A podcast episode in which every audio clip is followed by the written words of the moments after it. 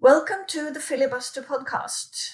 I am Suzanne Koch. I'm a guest host and a lecturer and teacher educator at the University College of Østfold, specializing in online learning and digital literacy for teachers. I'm here today with Per Koch, who is editor of Forskningspolitikk, a Nordic magazine on innovation and research policy. Our guest today is Mark Brown. He is a professor of digital learning at Dublin City University and director for the National Institute of Digital Learning in Ireland. Welcome, Mark. Well, thank you. I'm pleased to be here. So, COVID 19 has challenged higher education, and digital teaching and learning is an important part of our response to this challenge. How has the National Institute of Digital Learning responded to this current crisis? Well, that's a, really interesting question because uh, we're still so much in the crisis, and it's hard to step back and reflect on what we've done. The, the pace is so fast, I guess, is the crisis has taken its new twists and turns. But generally, from an educational perspective and our own unit, I think of what we've done to date in three phases. Um, firstly, there was um, just a phase of get online, get get people online, um, and then the next phase was really get organised for people to develop alternative assessments. And the phase we're kind of in right now is get organised for planning for the next part um, which is probably about fully online for the new academic year. So that's kind of the broad brush of how I would put the, the three phases. But within those, um, I think the thing I'm particularly proud of and uh, apologetic, if you like, if I'm being a little um, parochial here in terms of our team and in Ireland, is just how people have responded. Um, and it takes a crisis, I guess, to see the best in people. So very early on, um, we developed right at almost the beginning of March um, resources on get teaching. Uh, sorry, keep teaching, keep learning. We were particularly pleased that within a day of um, having our support for staff, we also had a resource for our learners. Uh, recognizing that the challenges were going to be more so for our learners, perhaps, than even our staff. On the 16th of March, um, only a day or so after Ireland went into official lockdown and our universities and schools all closed, we held a webinar, a European webinar with the European Association for Distance Teaching Universities and EDEN, but we hosted that webinar to really start talking about what do you do in this situation. So we were really pleased to be able to offer something both externally because the unit, the institute that I lead, actually serves a university which hosts it as well as then a more national and we would like to think European and international remit. Within that same week, um, we were involved with FutureLearn to launch or to plan, design, and launch all in the space of a week a MOOC on how to teach online. Um, and that MOOC uh, was launched by the Thursday. So we first had the discussions on the Monday. The launch was the Thursday, and the following Monday it was starting to be taught. Ultimately, 50,000 people um, participated in that MOOC. But coincidentally, we were developing our own online course within our own unit with some funding from what's known as the National Forum for the um, for Higher Education in Ireland. And that particular course, as I say, coincidentally was due to be launched on the 23rd of March.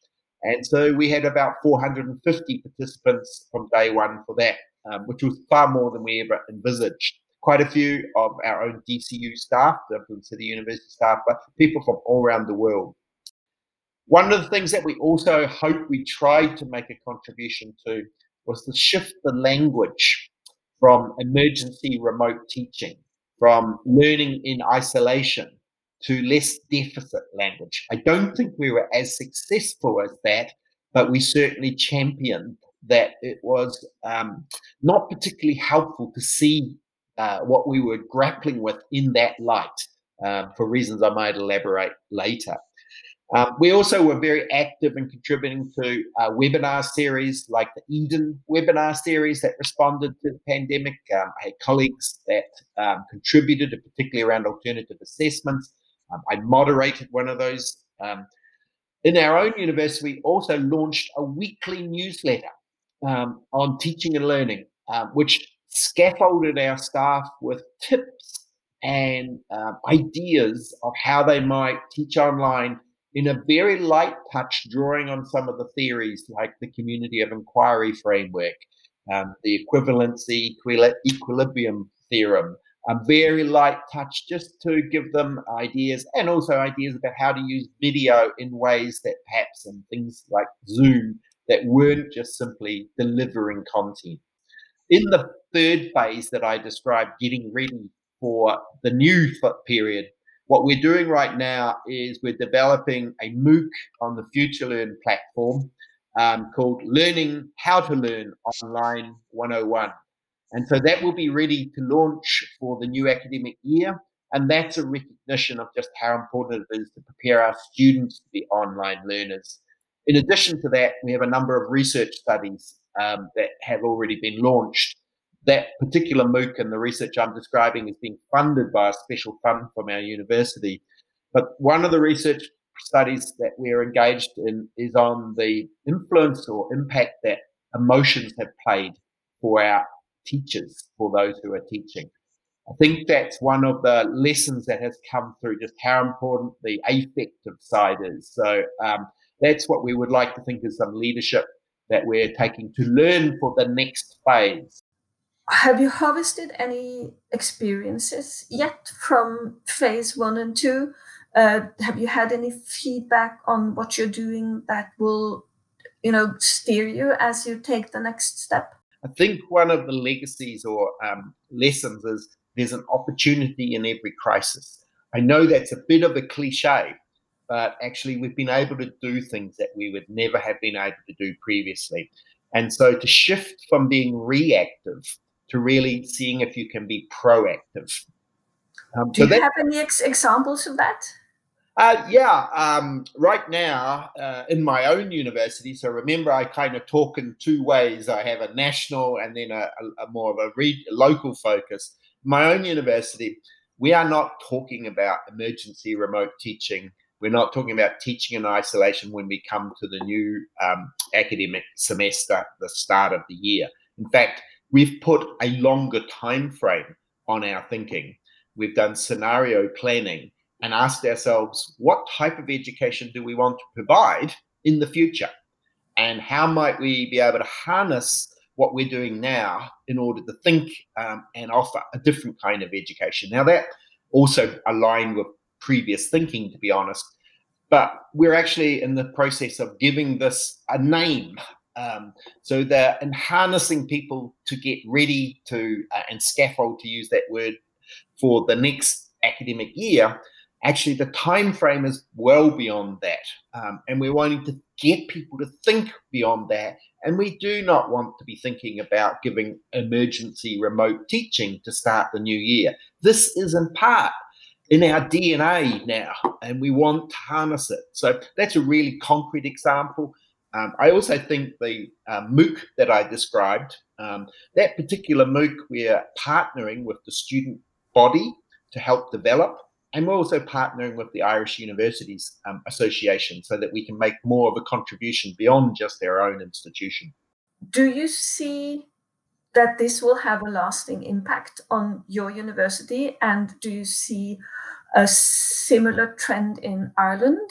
Uh, or do you think that we will return to business as usual as quickly as we're allowed to?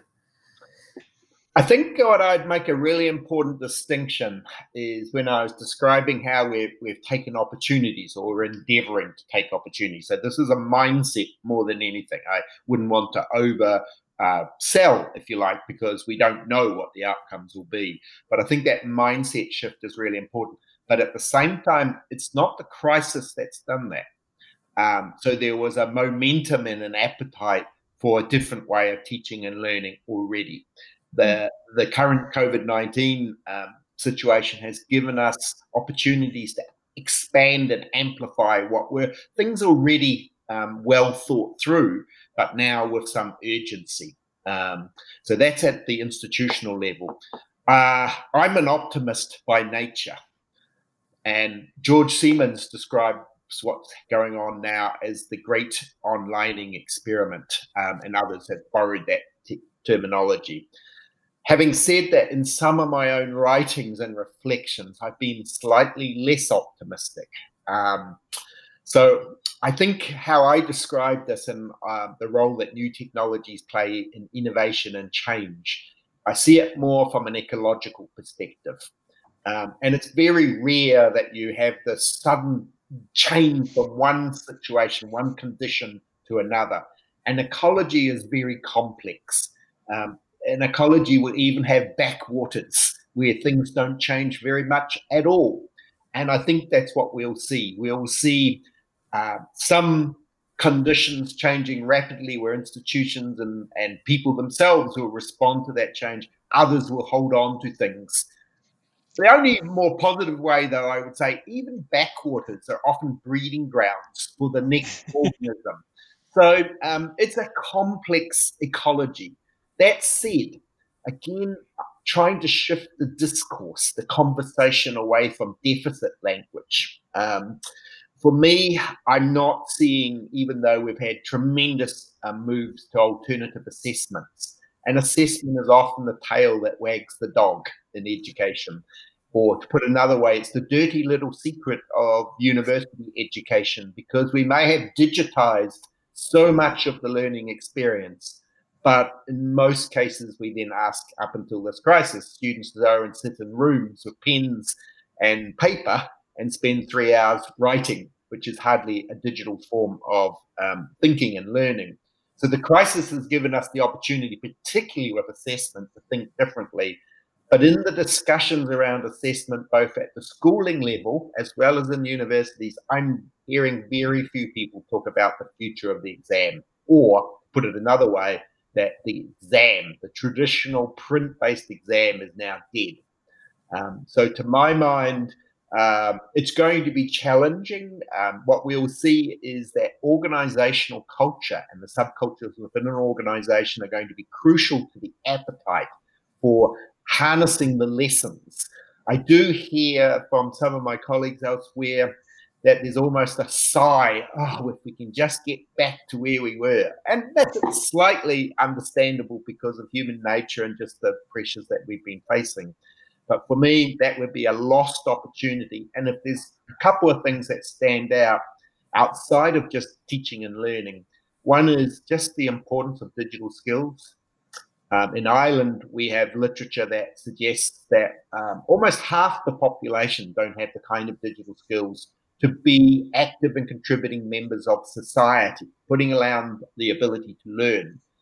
Um, and then the reality is that the new digital society, or rephrasing it, I don't really like to talk about the digital society. We just have our societies, of which the digital now is so woven within, that um, the future of work and the kind of skills that people are having to learn now, learning to learn through digital technology, is the new normal for the future of learning for work. Um, and so that's one of the legacies for me is if we've got a generation who understand how important it is to learn how to learn online, which takes me full circle back to why our MOOC we think is so important to provide learners because we can't assume they just know how to do this. Students are and I guess have always been learners around the clock. You know, this is a, a time in their life when they they're just absorbing and, and yeah absorbing a lot all the time. Um, they have competences preferences and sources of knowledge outside of the auditorium outside of the curriculum even which have helped sustain their learning through this crisis. Like you know youtube and moocs that they find on their own or whatever. Uh, how can this be harnessed in co-learning, co-creating within courses uh, within universities in order to develop the kind of skills that you just mentioned, the future skills for learning? Great question, and it's also a very timely question because I do need to give some credit to uh, at the national level what I described earlier as our national forum, who led um, a national survey on the digital learning experience or the digital experience of staff and students in higher education.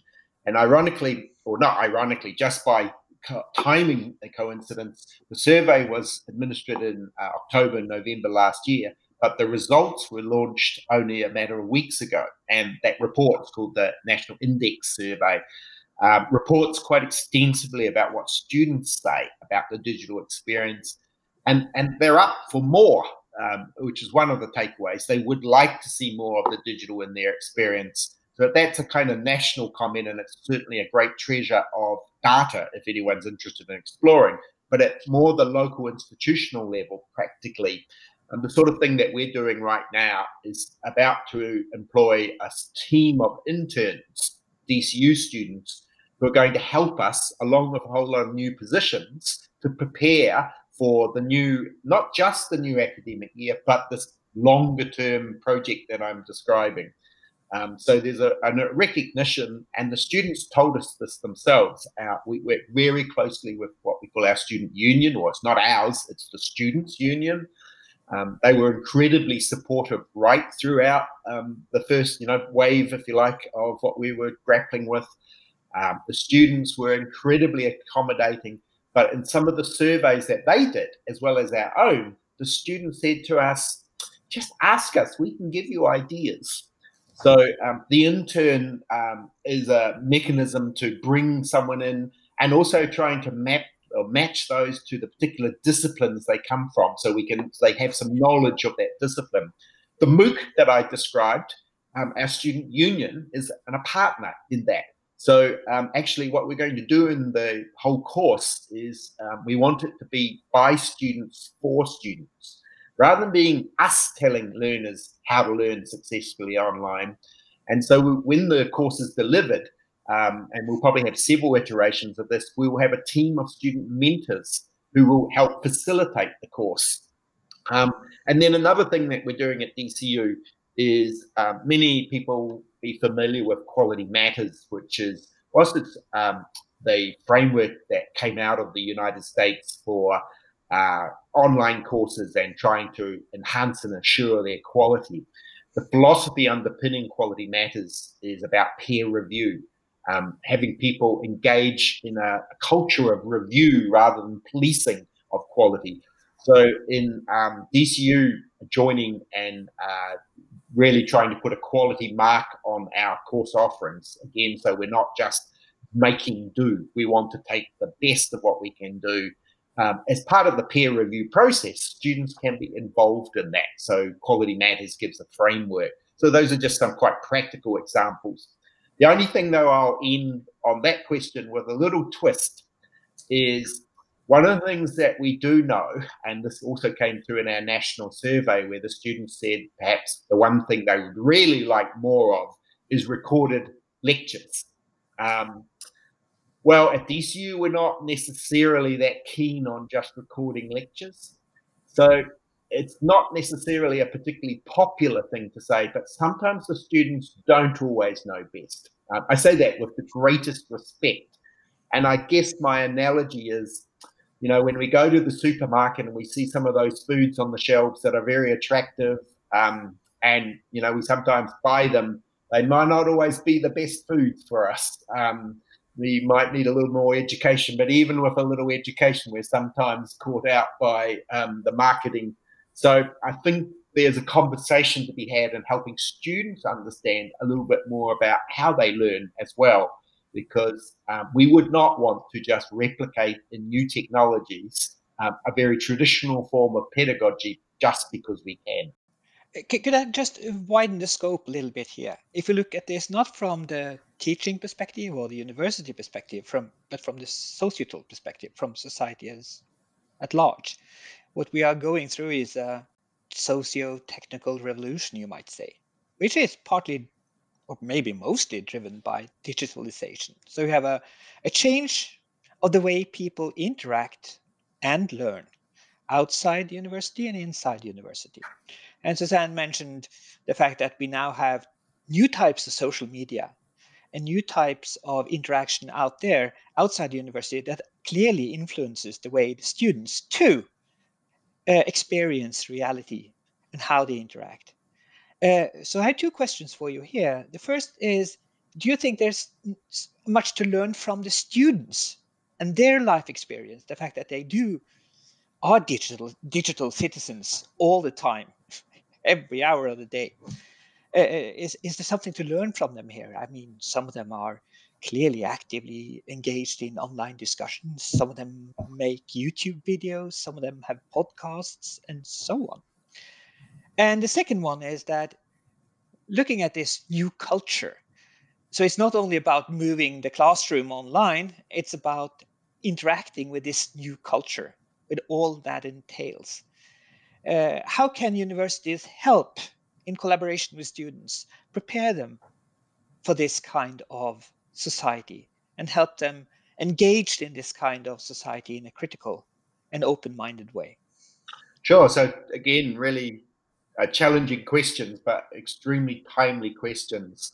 Um, on the first question around how we might draw more on what uh, the world of the student really is, and uh, there's a body of literature known as posthumanism um, that sees the way in which technology and humans are just interwoven here. And in fact, that body of literature um, similarly talks about the post-digital that um, for many people, the digital is just the norm. Um, you know, we are living in the digital society, so why do we need to even put digital in there? Uh, so, for my mind, at a teaching and learning level, just to start with that, is I often talk about using the student as the author rather than the audience. And my comment about um, you know the mode of teaching where we feel we need to create content to deliver to the student that we're the authors and they're the audience, we can flip that, and the technologies enable them. Um, and in fact, that can even be done in a way in which I'll call it distributed cognition or distributed intelligence, where the resources they create become part of the culture and part of the learning resources for the next cohort of learners. We don't have to shut them off. So there's a form in which we keep learning from one group of learners to another. Another aspect that we're very, um, very familiar with at DCU is that today's student, firstly, we shouldn't uh, assume is the school leaver because um, under a focus on more increasingly lifelong learning, um, people are going to be learners, perhaps better to call them learners than students, and the blurring of boundaries between formal, informal, non formal, um, a move towards just in time, just enough, just in case learning, and our credentials, our traditional degree programs. We're having to think now whether these are appropriate and suitable for the kind of world of learning and life that we're living. So at DCU, we're heavily involved in developing credit bearing stackable micro credentials. Um, and even the learning how to learn online MOOC that I described the plan is for why we call that 101 learning on how to learn online 101 is because we aim to put that into a cluster of other courses to make a micro credential because we think that it would be highly desirable from an employer's perspective to know that hey this person is very adept at knowing how to learn online because when they come to work for us their cpd their professional learning is going to be done a lot online. Um, so that is a new normal. So I probably um, said enough on that first um, question. The second sort of one, if I remember it correctly, around sort of the cultural shifts and, and a bigger impact. Um, again, I think what we have to see is that no university or no educational institution is an island. Um, and whilst it's very easy for us to get caught up in our own missions and um, our own reputations, if you like. Uh, ultimately, we're here to serve society. Um, and if there's one place that perhaps we're able to challenge society, but in a constructive way, it is university. So I think this crisis helps us have another conversation about the role that university education in particular plays in society. And then at a wider level, how we might want to design new technologies to create the types of societies we want for the future. Not only design new technologies, but design our education systems for the type of societies. So for me, inherently, this is again, I'm seeing this as an opportunity. This is an opportunity to rethink perhaps some directions that we've taken in recent times. And this is fairly true of most developed countries where uh, some of our education systems are serving economies more than societies, not to suggest the economy is divorced from society. But what is it that we want to build for the future? If that's one of the legacies of this crisis, when we get the opportunity to perhaps pause and reflect and act, for me, that would be incredibly um, valuable. I think that's a, a, nice note to, to end this on. Uh, thank you very much, Mark for interesting and inspiring conversation. Well, thank you for the opportunity. And um, just for your listeners, if anyone would like to contact me, I'm always responsive as much as I can by email or other forms of social media. So um, uh, I look forward to um, seeing how we can all work together. And perhaps the one thing I should have mentioned for your listeners is that uh, they may have been expecting an Irish accent um, and accents are funny thing, but um, I actually originally come from New Zealand, and so we have a very uh, New Zealand sees itself in similar ways to Scandinavian countries like Norway. So.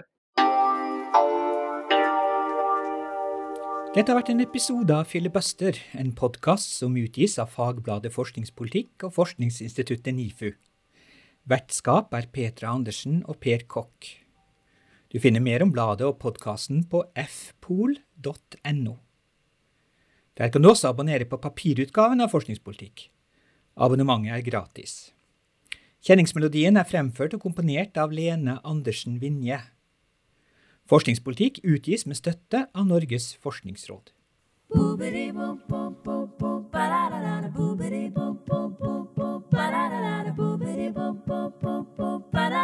Da